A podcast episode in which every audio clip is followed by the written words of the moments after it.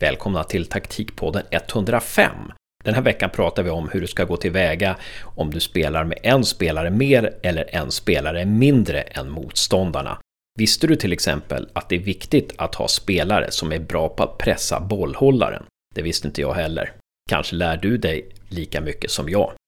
Panelen den här gången består av Dali Savic, ettans bästa tränare 2020, Tobias Birgersson med erfarenhet från tränaruppdrag och sportchefsroller i damallsvenskan och elitettan samt Josef Karstensen, scout och analytiker. Själv heter jag Hasse Karstensen. Trevlig lyssning!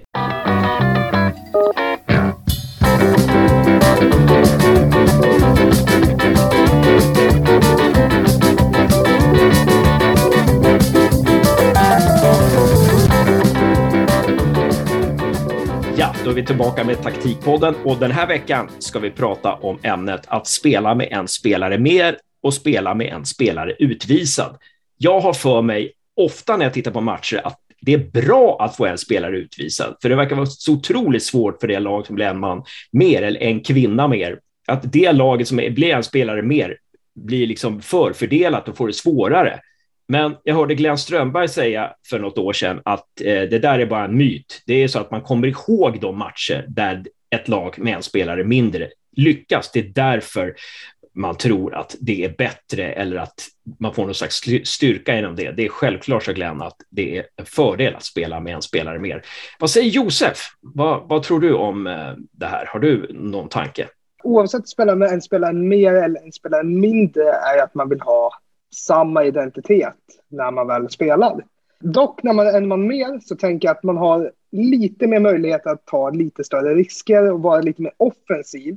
Tvärtom när man är en man mindre, att man, man vill fortfarande spela sitt grundspel, men där måste man också vara lite, lite mer restriktiv och välja vad man kommer prioritera. Beroende på vilken spelare som blir utvisad så kommer ju tränaren behöva göra ett val. Vill man prioritera bort en anfallare, en mittfältare eller försvarare? Vad vill man ha ut av sitt lag? Det vanligaste är väl att man alltid backar hem när man blir en man mindre för att säkra upp en poäng, om det är mitt i säsongen. För att det är ju en resultatinriktad bransch eh, tränarna lever i och det är ju poängen man någonstans blir utvärderad på.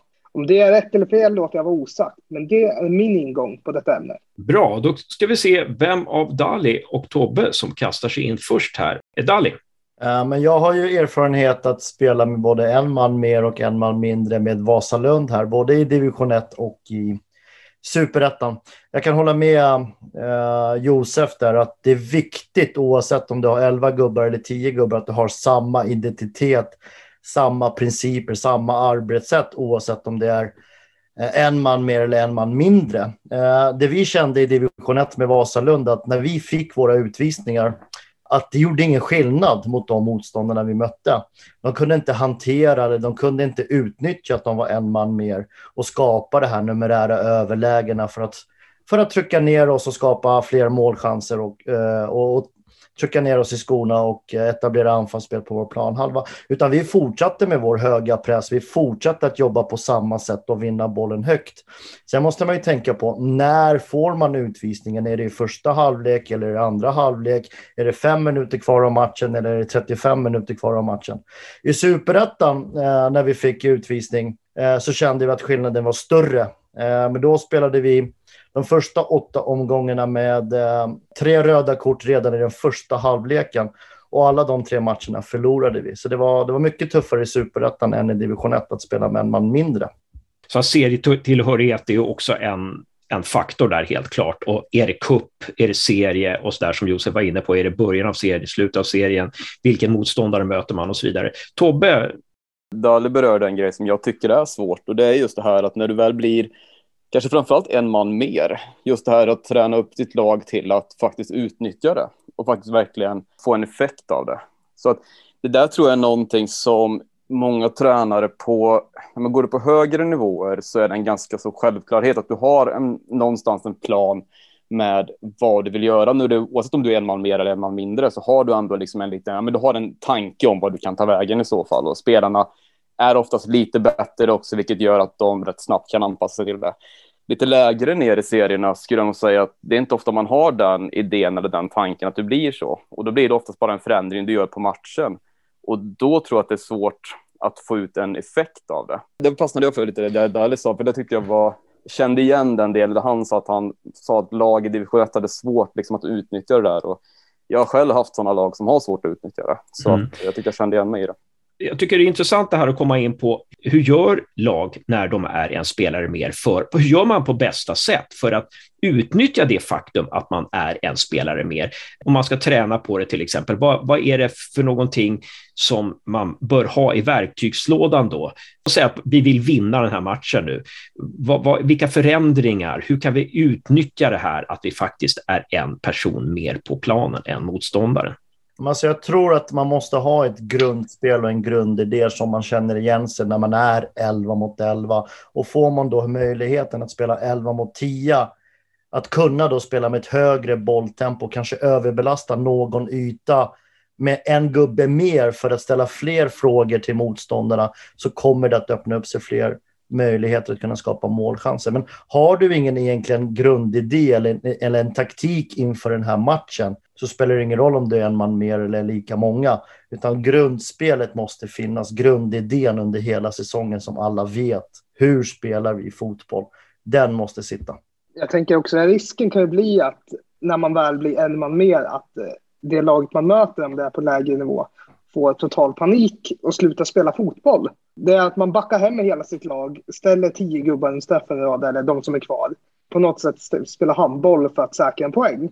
Och det kan ju göra att hur ska man säga, den matchplanen man hade uttänkt, utstakad för händelseförlopp som skulle ske, kan ju lika gärna skrotas för att man blir en man mer och de gör som drast, en så pass stor förändring det optimala vore ju att om man möter ett lag som blir en man mindre, att de fortfarande vill spela på samma sätt. För då borde ju man kunna flytta upp en gubbe utan att det blir någon större förändring i matchen och man borde kunna få det, det Dale vill åt. Ja, precis. Det måste ju vara otroligt svårt. Risken är ju att det ena laget står, står rättvänt hela tiden och står i sina positioner och att det blir inläggsspel hela tiden. Eh, och då, då, måste det vara ganska svårt att, att liksom luckra upp eh, ett försvar. Eh, men Dali, va, ni hade ett grundspel i Vasalund när ni blev en man mer. Vilka ytor försökte ni hitta då i, när ni spelade i, i ettan som gjorde att ni blev ganska lyckosamma? Ja, men vi spelade på samma sätt eh, oavsett om vi var eh, 11 mot 11 eller 11 mot 10 i vårt anfallsspel. Men det man kunde göra det var ju kanske att istället för att spela med en treback som vi då gjorde, att gå ner på en tvåback och kanske flytta upp en, mitt, en mittback som blev mittfältare för att överbelasta ännu mer centralt.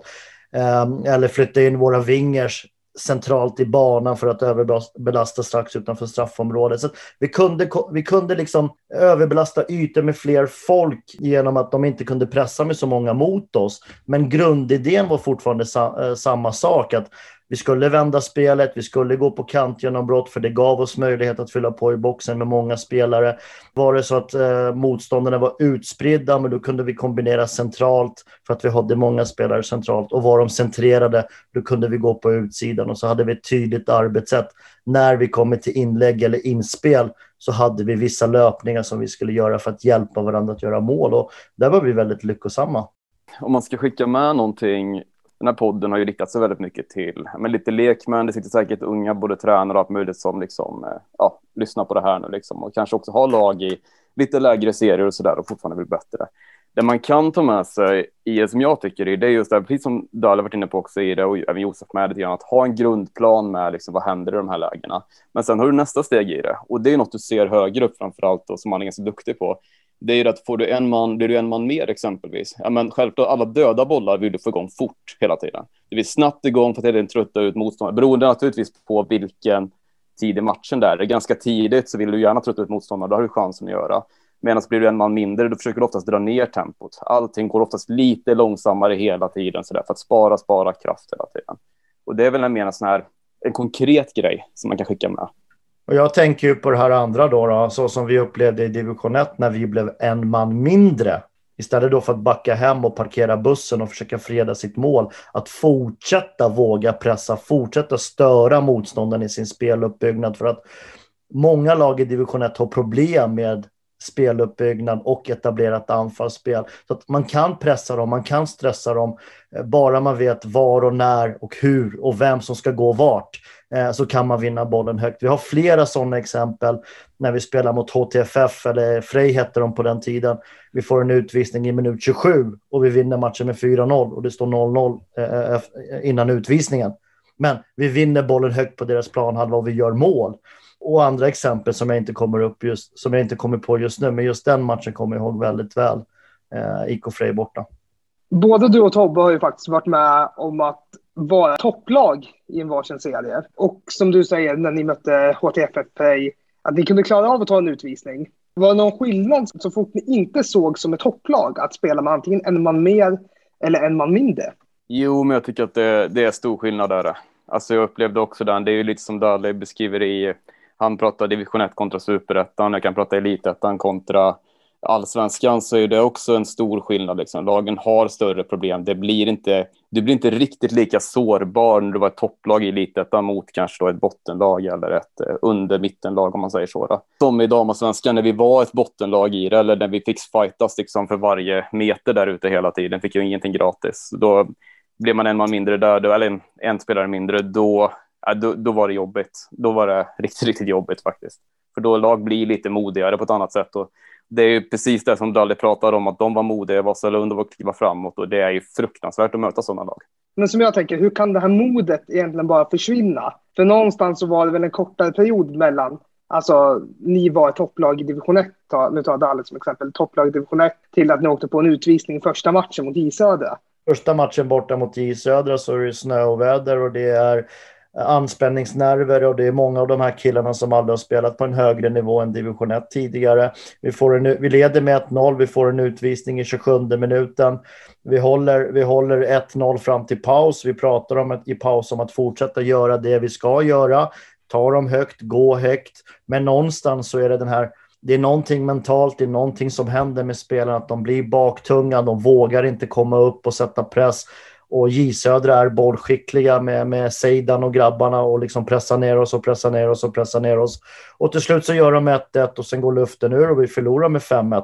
Jag står ju på, skri- eh, på sidan och försöker skrika och mana mod på killarna att gå framåt, titta framåt, sätt press. Men det får ingen effekt den här gången. Och J Södra gör det jävligt bra som spelar med tålamod och sen har de ju skickliga spelare som har spelat på minst superettanivå x antal år och, och, säkert någon allsvensk spelare. Så att, eh, vi försökte vara modiga, men, men killarna trodde väl inte på det hela vägen ut. Då, då, kan man ju säga att ni mötte skickligare spelare där, men du är inne på att det faktiskt sitter i huvudet också. Att eh, det, det, är inte bara att ni mötte skickligare spelare, utan det är också det att ni inte riktigt trodde på er modell då.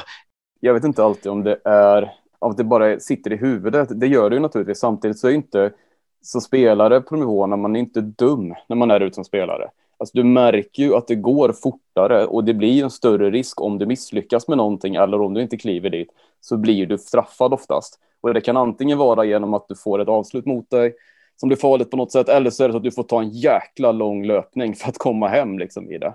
Och jag tror att det handlar både om att du inte vill släppa ytan bakom dig, men också just det här att du måste tänka på att spara kraften och vara smart i de lägena. Det, det är väl lite det, så det är nog inte bara i huvudet, ibland är det att spelare vill vara smarta också i det. Liksom. Man försöker vara det för att tänka att man ska orka hela vägen liksom, i det. Finns det vissa spelartyper som är extra bra att ha när man spelar med en spelare mindre? Ja, men alltså det är alltid fördel med snabba spelare, kvicka. Yttra på något sätt, eller forwarden något som är kvick och orkar jobba, som är hårdjobbande, eller kanske lite rivig och slitig, lite sån här, de lägena är ju, tycker jag, väldigt guld värt. Eller någon spelare högt upp, alltså någon forward, något som kan ta emot boll och hålla i bollen. Framförallt när man väl vill komma därifrån. Det är någonting jag uppskattar väldigt mycket i alla fall när man har snabb, eller har liksom en man mindre framförallt då.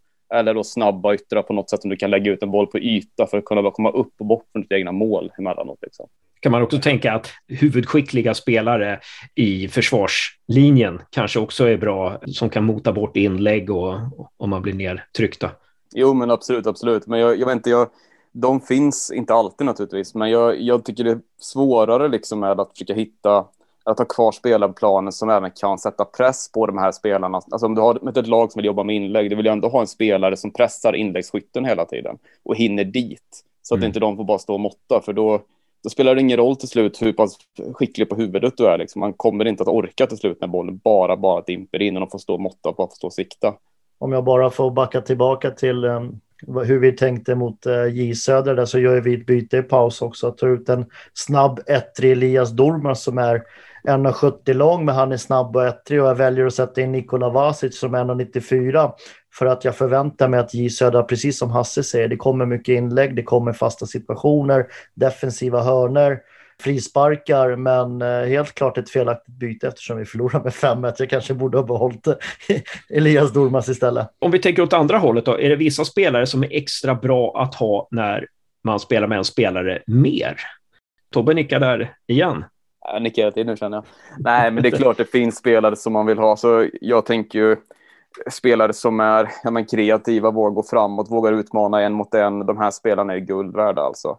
Eh, de som liksom vågar spela med ett, två tillslag i trånga ytor liksom och vågar spela bollen framåt och vågar skapa. De är jätte, jättevärdefulla. Men samtidigt så du vill ju ha några sådana spelare, men du vill ju inte ha elva sådana. För du behöver ha några som också även organiserar sig lite defensivt när du ligger på i anfallsspel också där ifall det vänder så att man kan liksom behålla trycket också. Så att det är nog lite både och. Men de här kreativa och en mot en, de tycker jag är, som kan slå sin spelare, de tycker jag om i alla fall. Elias Dormas är en sån spelartyp eh, i Vasalund. Eh, Andreas Sanat i AFC Eskilstuna, Petar Petrovic i Trelleborg. De är guld värda mot samlade försvarsspelare. Ett samlat försvarsspel där de kan göra sin gubbe och gå på avslut och skapa målchanser på egen hand. Så eh, fler sådana spelare, tack.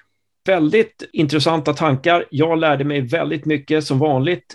Och ni lyssnare, om ni vill lägga till någonting eller dra ifrån någonting, yttra er på vår Twitter, skicka ett mejl till taktikpodden.gmail.com eller yttra er på vår Instagram.